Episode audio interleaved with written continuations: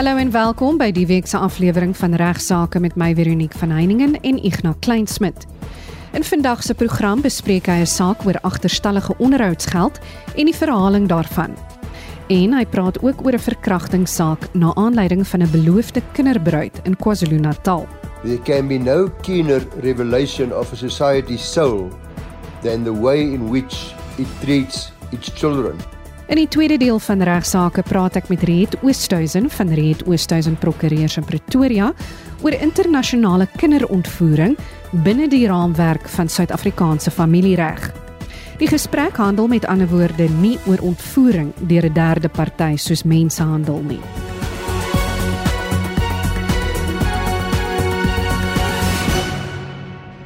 Ons sluit nou aan by Ignas Kleinsmid wat vandag onder meer gaan praat oor agterstallige onderhoudsgeld en die verhaling daarvan.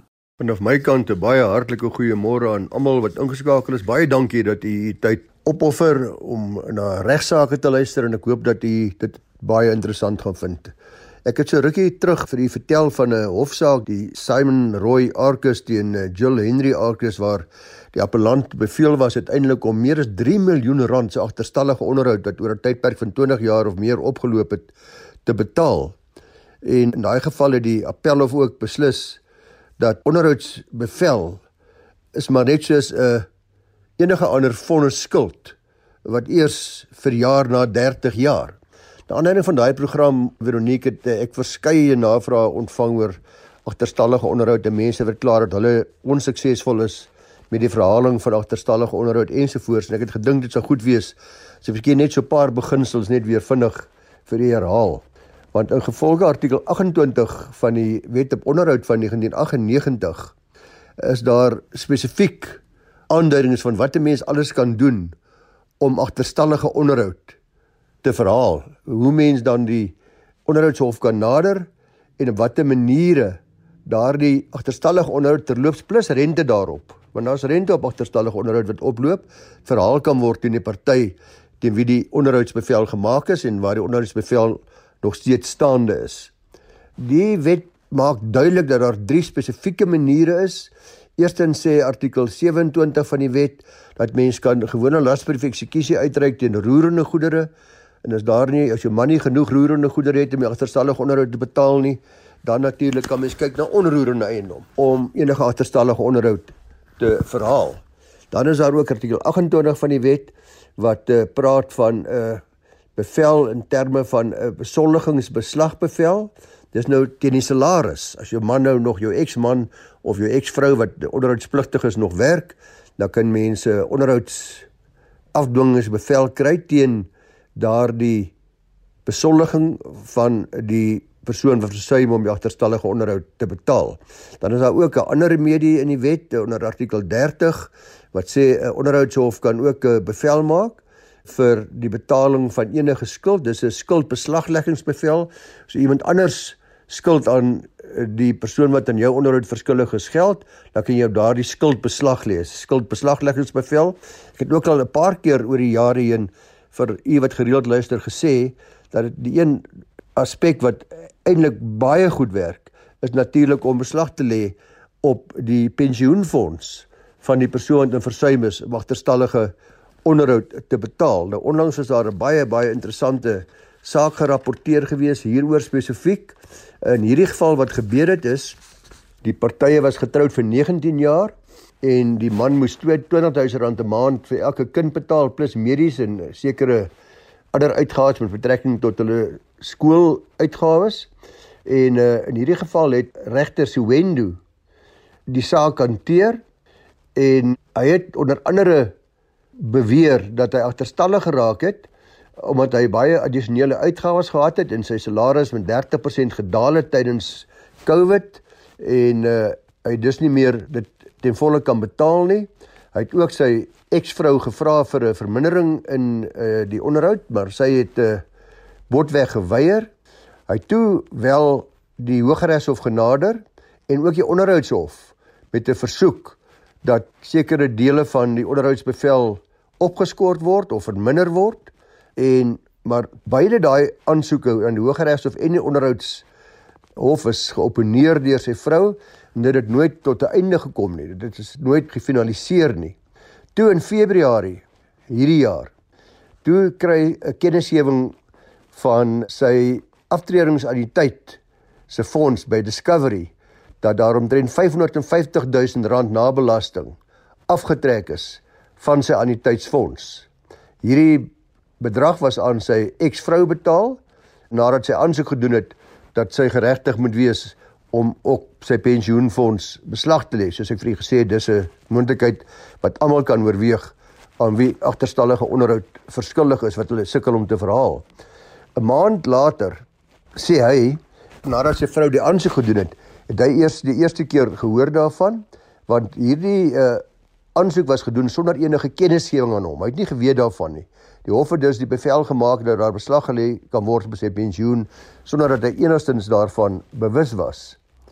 Nou die regter in hierdie geval sê dat sy stem glad nie saam dat hy geregtig was enigstens op kennisgewing nie. Sy sê daar niks in die onderhoudswet wat sê dat voordat ek beslag wil lê op my man of my vrou wat onder agterstallige onderhoud verskuldig is se bates of pensioenfonds of skuldbeslag of besorgingsbeslag moet ek aan hom of haar behoorlike kennis gee nie. Dis nie nodig nie sê die regter. En uh sy sê in hierdie geval was die hof heeltemal by magte om 'n lasbrief eksekusie uit te reik sonder dat hy daarvan vooraf in kennis gestel behoort te word. Hy sê selfs al is daar groot skade aan hom in so 'n geval, is dit uh, nie onbillik nie en sy sê dat die feit dat die onderhoudshof of die landdroshof dan 'n lasbrief uitgereik het, uh, niks onnatuurliks is nie en dat daar geen reg is op 'n kennisgewing voor die tyd nie soos hy die pa se aansoek of die onderhoudspligtige se aansoek om daardie bevel ter syde te stel en om te bepaal dat sy eers kennis moes gee, het sy van die hand gewys met koste. Dankie aan Igna en Igna bespreek nou 'n saak oor 'n 14-jarige kind in KwaZulu-Natal wat as bruid voorgestel is aan haar 32-jarige man en toe verkrag is. Indien jy 'n sensitiewe luisteraar is, is nou die tyd om jou radio af te skakel. Luisteraars, ons oud staatspresident Nelson Mandela word gereeld aangehaal oor die hele wêreld met talle wyshede wat hy kwyt geraak het terwyl hy ons leier in Suid-Afrika was. Een daarvan wat vir my uitstaan was toe hy gesê het there can be no keener revelation of a society's soul than the way in which it treats its children. Nou hoe hanteer ons ons kinders in Suid-Afrika? Lees maar oor die talle kinderverkrachtings, die seksuele mishandeling van baie van ons kinders, hoeveel honger kinders daar, nawelose kinders daar in Suid-Afrika op straat is. Sy dan myself oor hoe gesond die Suid-Afrikaanse gemeenskap se siel is en elkeen van ons moet ook dalk so 'n bietjie selfondersoek doen en wat doen ons om uh te help waar dit gaan oor minderbevoorregte of vernielde kinders. Nou in hierdie jaar baie onlangs was daar 'n saak gerapporteer, die saak van Mba Mali versus S daar in KwaZulu-Natal en die kind in hierdie geval, die klaagster is maar skamele 14 jaar oud toe sy verkrag is deur die appellant, 'n 32-jarige man. 'n Baie vername kerkleidster, sekere M Pakati, sy was verloofs ook skuldig bevind in die streekshof, het die klaagster aan die verkragter, die lid van die gemeente voorgestel as 'n moontlike bruid. Nou daarna is sy vir 'n tydperk aangehou in uh, in sy woning totdat sy dit regkry het om te ontsnap na die naaste polisiekantoor en daar het sy vir hulp gevra. Ek moet ook net noem dat die kerk self nie deel was van uh, hierdie dade van hierdie kerkleier me Pakadi nie en uh, die kerk self het die dade baie sterk veroordeel van beide die kerkleier en die lid van hulle kerk wat die kind verkrag het. Nou die saak is eers aangehoor in die streekshof in Kanyesi waarop die beskuldigde toe aangekla is vir verkrachting en op 16 Augustus is hy skuldig bevind en is gefonnis op 19 November 2018 tot 18 jaar gevangenisstraf vir daardie verkrachting. En uh, paar maande later in Mei 2019 het die hof toe verlof tot appel verleen. En dis hoe die saak toe nou uiteindelik in die KwaZulu-Natal se Hooggeregshof op appel beland het. Die argumente vir die appellant was dat eerstens dat hierdie 14-jarige klaagster toegestem het tot die dade wat hy met haar gepleeg het. Hy het ook hard probeer om die hof te oortuig dat hy nie geweet het dat die klaagster nog onder 16 is nie. Maar uh, ek moet sê as jy na sy argumente gekyk het in die hof wat die hof daaroor te sê gehad het, het hy volslaa misluk daarin om die hof hiervan te oortuig. Hy het ook oortuig dat die klaagster het nooit vir hom gesê dat sy nie instem om sy bruid te wees nie, soos wat sy nou deur die leidster in die kerk vir hom aangebied is nie en ook nooit vir hom gesê dat sy hom liefhet nie. En wat hom betref, het uh, die klaagster uit haar eie vrye wil na sy huis toe gekom en was sy nie regtig 'n gevangene nie. Nou die wetgewing waarop gesteun word in sulke gevalle luisteraars is artikels 15, 16 en 56 van die wysigingswet op seksuele oortredings verwante aangeleenthede wet van 2007.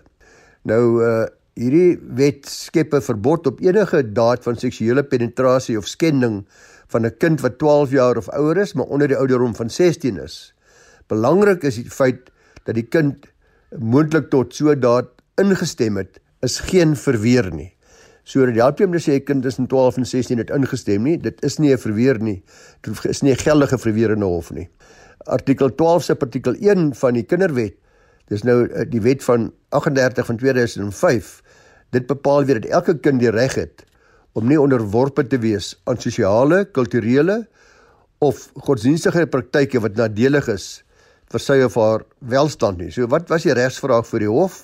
Die regsvraag vir die hof was of daar 'n redelike moontlikheid bestaan dat die appellant wel geglo het dat die klaagster ouer is as wat sy wel was, met ander woorde 16 jaar of ouer, en het hy, want die bewyslas rus op hom, het hy dit bo redelike twyfel bewys. En tweedens was die regsvraag vir die hof of daar 'n redelike moontlikheid bestaan dat die appellant redelikerwys geglo het dat die klaagster ingestem het tot al hierdie aaklige seksuele dade wat hy met haar gepleeg het. Nou luisteraars, die hof het hier beslis en die hof was oortuig bo redelike twyfel dat daar geen moontlikheid bestaan het dat die appellant geglo het of kon geglo het dat die klaagster ouer was nie en ook nie dat sy toegestem het tot die dade nie. Die hof het verder baie duidelik beslis dat toestemming in elk geval nie 'n geldige verweer is om te opper nie, soos ek vir u gesê het dat artikel 15 en 16 baie duidelik maak. En uh want sê die hof 'n klaagster onder 16 kan nie toestem tot verkrachting nie. So sy appel is van die hand gewys en die goeie nuus vir ons almal wat luister is dat die hof beslis dat die appellant korrek gefonnis is en dat 18 jaar tronkstraf heeltemal 'n billike straf is vir iemand wat 'n kind van 14 jaar seksuele dade mee pleeg, soos verkrachting. Dan luisteraars ter afsluiting van my gedeelte van die program wil ek net weer eens baie dankie sê vir so baie van u wat u waardering uitspreek vir die prokureursorde van Suid-Afrika asook my bydrae tot hierdie program. Ek waardeer dit regtig opreg. Dit maak dit ook vir my lekker om hard te probeer om u so resgeleerd as moontlik te maak. Maar ek wil tog weer baie mooi vra. Ek kry gereeld lang uitgerekte skrywes waar dit duidelik is dat u reeds by 'n prokureur is of wat u reeds regsadvies gehad het of dat u situasie van so 'n aard is dat dit eintlik uniek is aan u eie probleem en dat dit nie van algemene belang is vir die publiek nie.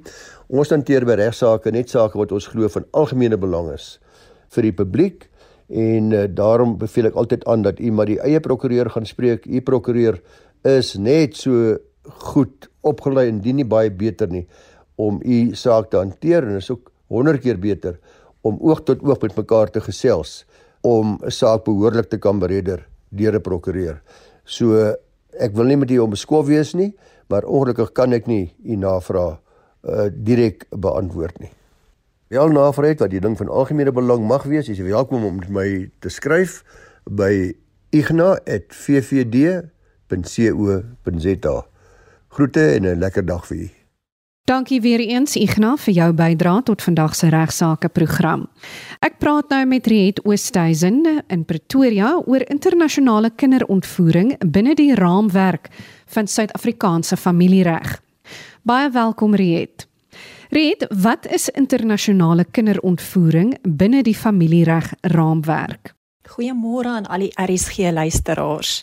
Nou kinderontvoering binne die familiereg opset is tipies wanneer een ouer die kind of kinders onregmatig verwyder vanuit die sorg van die ander ouer of die kind of kinders onregmatig terughou van daardie ouer.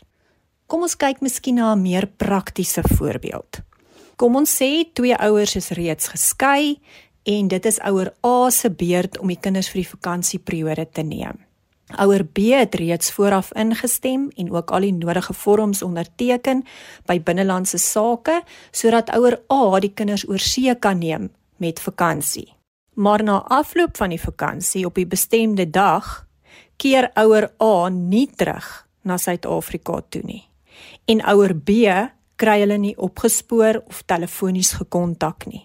En nou blyk dit dat ouer A spoorloos met die kinders verdwyn het of dalk maak ouer A kontak en stuur 'n e-pos en laat weet vir ouer B. Ek is nie van plan om terug te keer na Suid-Afrika toe met die kinders nie. Wat maak ouer B in so 'n geval? Want dit is enige ouer se grootste grootste nagmerrie.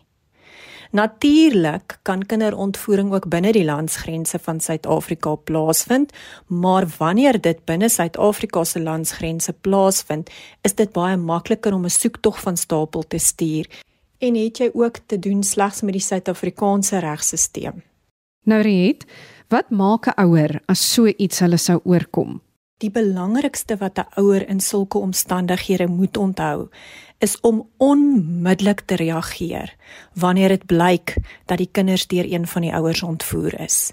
Tyd is glad nie jou speelmaat nie. Hoe gouer jy by 'n prokureur met die nodige kennis kan uitkom, hoe beter. Daar is vele tegniese en uiters ingewikkelde stappe wat moet plaasvind en daarvoor gaan jy 'n gesoute regspan nodig hê. Jou regspan sal onder andere onmiddellik met die gesinsadvokaat in Suid-Afrika kontak maak en ook wil feite hê oor watter land die kinders hulself in bevind. En sodoende gaan jou regspan vasstel of die Haagse konvensie van toepassing sal wees al dan nie. En indien wel, sal dit sake vir jou aansienlik vergemaklik. Goed. En wat is die Haagse konvensie? Die Haagse konvensie het tot stand gekom na Wêreldoorlog 2 in Nederland in die dorpie Die Haag en het tans 91 lidlande wat deel vorm van die konvensie. Wat baie belangrik is om te onthou van hierdie konvensie is dat dit slegs geldig is indien beide lande lidlande is van die konvensie. Die konvensie reguleer nie net kinderontvoering nie, en reguleer terloops vele ander onderwerpe ook. Maar sedert 1980 is dit spesifiek die konvensie se doel om kinders te beskerm teen die slegte en traumatiese nagevolge van 'n onregmatige verwydering of terughouding van kinders wanneer dit dan plaasvind oor verskillende lande se grense. Oftewel dan nou van een land af na 'n ander land toe. Die konvensie is met ander woorde 'n tipe van 'n padkaart wat die proses voorskryf wat gevolg moet word vir die vinnige en effektiewe teruglewering van kinders. Nou soos reeds genoem, is die Haagse konvensie slegs geldig wanneer beide lande lidlande is. Dit beteken dus as 'n ouer 'n kind ontvoer na 'n land wat nie 'n lidland van die konvensie is nie, sal hierdie konvensie se proses of dan nou padkaart nie gevolg word nie. Die luisteraars sal seker wonder of Suid-Afrika 'n lidland is en ja, Suid-Afrika is sedert 1997 'n lidland van die Haagse konvensie. Die gedagte is dat die land waarheen die kind of kinders ontvoer is, en as ons nou die voorbeeld neem, is dit dan nou Engeland, Londen, die kinders sal teruglewer aan die land waar die kinders normaalweg woonagtig was voor die ontvoering, wat dan nou Suid-Afrika sal wees. In kort maak die Haagse konvensie die proses makliker vir die teruglewering van kinders, maar wat baie belangrik is om ook te onthou, is dat die konvensie net geld vir kinders tot en met die ouderdom van 16 jaar. Indien kinders dis ouer as 16 jaar is, val hulle nie onder die Haagse konvensie nie. Red, kan jy dalk vir ons luisteraars van die vereistes van die konvensie noem? Daar is 'n legio van vereistes en stappe en prosedures wat 100% korrek gevolg moet word in die geval van die Haagse konvensie. Maar om dit vir die luisteraars maklik verstaanbaar te maak, is daar 3 basiese vereistes. Die eerste vereiste is dat die kind of die kinders onder normale omstandighede woonagtig was binne die lidland wat die aansoek bring en normaalweg woonagtig was onmiddellik voor die verwydering of die terughouding van die kind of die kinders. Die tweede vereiste is die kind se verwydering of terughouding moes onregmatig wees deurdat dit 'n verbreeking is van 'n hofbevel of 'n ooreenkoms ten opsigte van kontakregte. En die derde vereiste is dat die hofbevel ten opsigte van kontakregte of die ooreenkoms tussen hierdie ouers ten opsigte van kontakregte werklik waar toegepas moes wees tussen die ouers. Al wat dit beteken is, kom ons sê die kinders was by die ma woonagtig. Maar die afgelope jaar het die ouers informeel ooreengekom sonder om die hofbevel te wysig dat die kinders nou by pa kan gaan bly.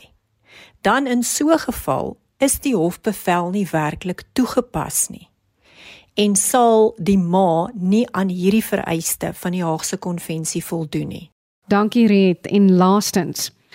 Vind internasionale ontvoering binne die familiereg raamwerk werklik in vandag se tye nog in Suid-Afrika plaas? Baie beslis. So onlangs soos November verlede jaar was daar 'n nuuswaardige saak.